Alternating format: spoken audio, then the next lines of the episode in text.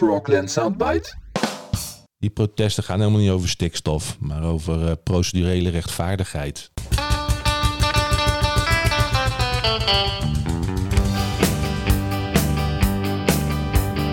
Wij zijn de boertjes van het platteland.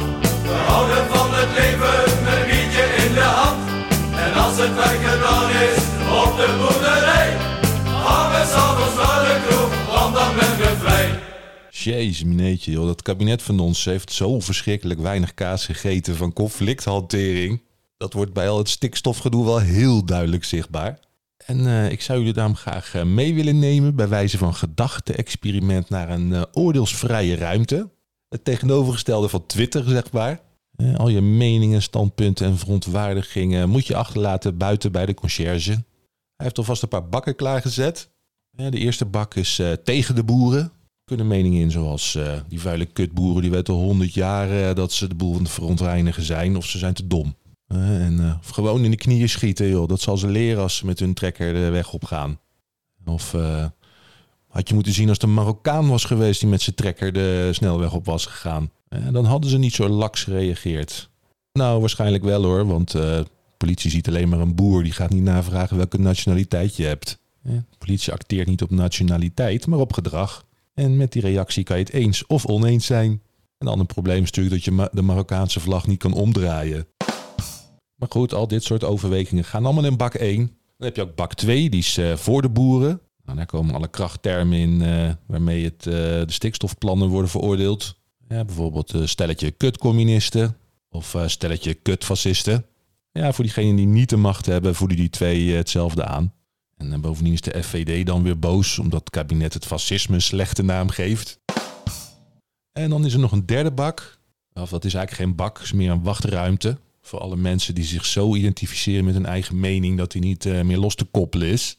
Die mensen, ja, die hebben ook niks te zoeken in een oordeelsvrije ruimte. Dus die kunnen beter even wachten. Er is wifi, dus ze kunnen doortwitteren. En onder twitteren versta ik dus ook het uh, ten scherpste veroordelen van al het gescheld en de vrouwonvriendelijkheid. Ja, waarom zit je dan op Twitter? Jezus. Eh, op structurele basis afgezeken worden wordt er gewoon bij voor iedere twitteraar. En ook veel eh, journalisten zullen helaas in die wachtruimte moeten plaatsnemen, omdat ze in de opleiding hebben afgeleerd om objectief naar dingen te kijken, zonder vooringenomenheid. Ja, dat journalisten een opvoedkundige taak hebben is wel een heel erg hardnekkig misverstand in deze beroepsgroep.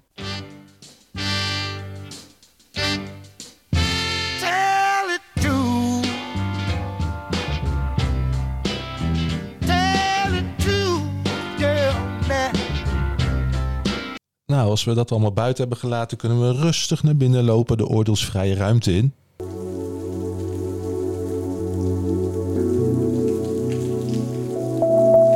Oh, excuus, ik dacht, doe er even een lekker zenmuziekje bij. Maar dit klinkt meer als iemand die zit te pissen terwijl die orgel aan het spelen is. Even kijken, misschien iets anders nog.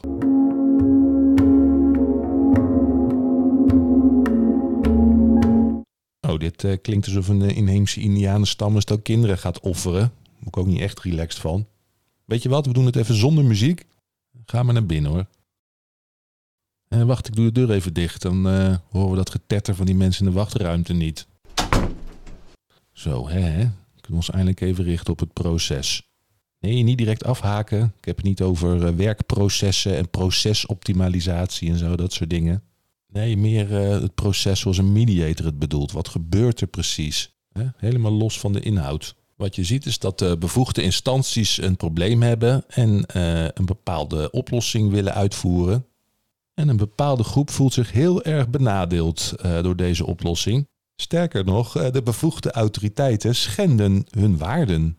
En het schenden van waarden is de absolute voorwaarde voor een conflict. Meningsverschillen zonder schending van waarden, die lost iedereen op dagelijkse basis zelf op. Nou, je kunt natuurlijk discussiëren of hier de schending van waarden uh, te verwachten was of niet. Het is in ieder geval niet geheel onlogisch, met gevoel van understatement. Dus die waarden zijn geschonden en die boeren die zijn helemaal op tilt en die noemen gekke dingen. En dan reageren anderen dan weer op. En uh, wat is de reactie van het kabinet? het is belangrijk dat de boeren kiezen voor de dialoog. En dan voeg je er ook nog aan toe dat uh, ja, jullie moeten kiezen voor dialoog. Wij luisteren naar jullie en daarna gaan we onze eigen gang weer. Je hebt net iemands waarde geschonden en eh, die vraag je vervolgens om heel redelijk te zijn, eh, terwijl je zelf verdomd ook maar iets te doen. Ja, als je een woedeaanval wilt triggeren, dan is dit wel de ideale aanpak hoor. Terwijl er misschien ook best redenen zijn om een beetje je hand in eigen boezem te steken. Welke bijdrage heb jij geleverd aan het ontstaan van dit conflict? Eh, Neem het kaartje van stikstofuitstoot. Ja, vriend en vijand zijn het inmiddels wel over eens dat die, eh, dat kaartje een beetje uit de losse pols is bepaald. Beetje zoals die minister van Defensie in eh, New Kids Turbo. Waar is hij? Maaskantje? Nooit van gehoord. Nee, ja, ik dus ook niet. Maaskant, hè? Dus als we die mannen uit Maaskant hebben, wordt alles weer rustig. Ik denk het wel. Boem erop, toch? Wie gaat het Maaskant nou missen? Maaskantje? En eh, voor de goede orde, eh, dat vind je zelf natuurlijk niet als je in de regering zit. Eh, maar die andere mensen vinden dat wel. En vervolgens gaat het kabinet eens even lekker in deze vlek wrijven. Ze stellen een bemiddelaar aan. Over wie deze bemiddelaar is, valt niet te praten. Dat is Johan Remkes. En Johan Remkes heeft de wetgeving bedacht, die nu nog niet geldt, maar wel in de toekomst en waar het plaatje op gebaseerd is. Nou, tot zover de neutraliteit van de bemiddelaar. Het gaat dus helemaal niet om de inhoud. Die Johan Remkes eh, kan best een prima vent zijn. En eh, ook die stikstofmaatregelen zullen echt wel nodig kunnen zijn. Geen idee, ik heb er geen verstand van.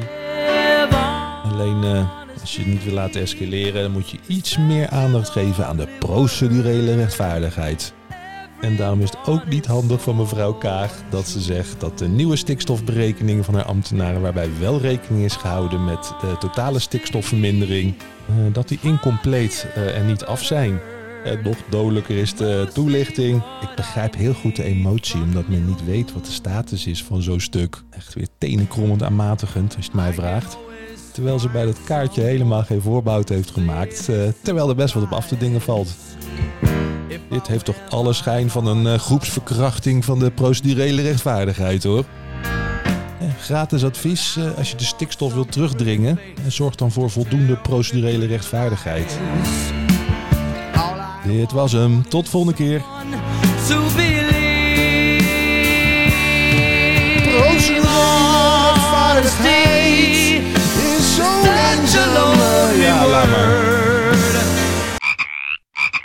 Frogland Soundbite.